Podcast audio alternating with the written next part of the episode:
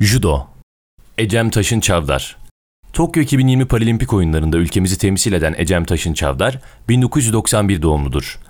Edirne Judo Olimpik Spor Kulübü sporcusudur. Rio 2016 Paralimpik oyunlarına katılan ve bronz madalya kazanan Çavdar, 2019 Avrupa Şampiyonası'nda da bronz madalyanın sahibi oldu. Tokyo 2020'de 48 kiloda ülkemizi temsil ediyor.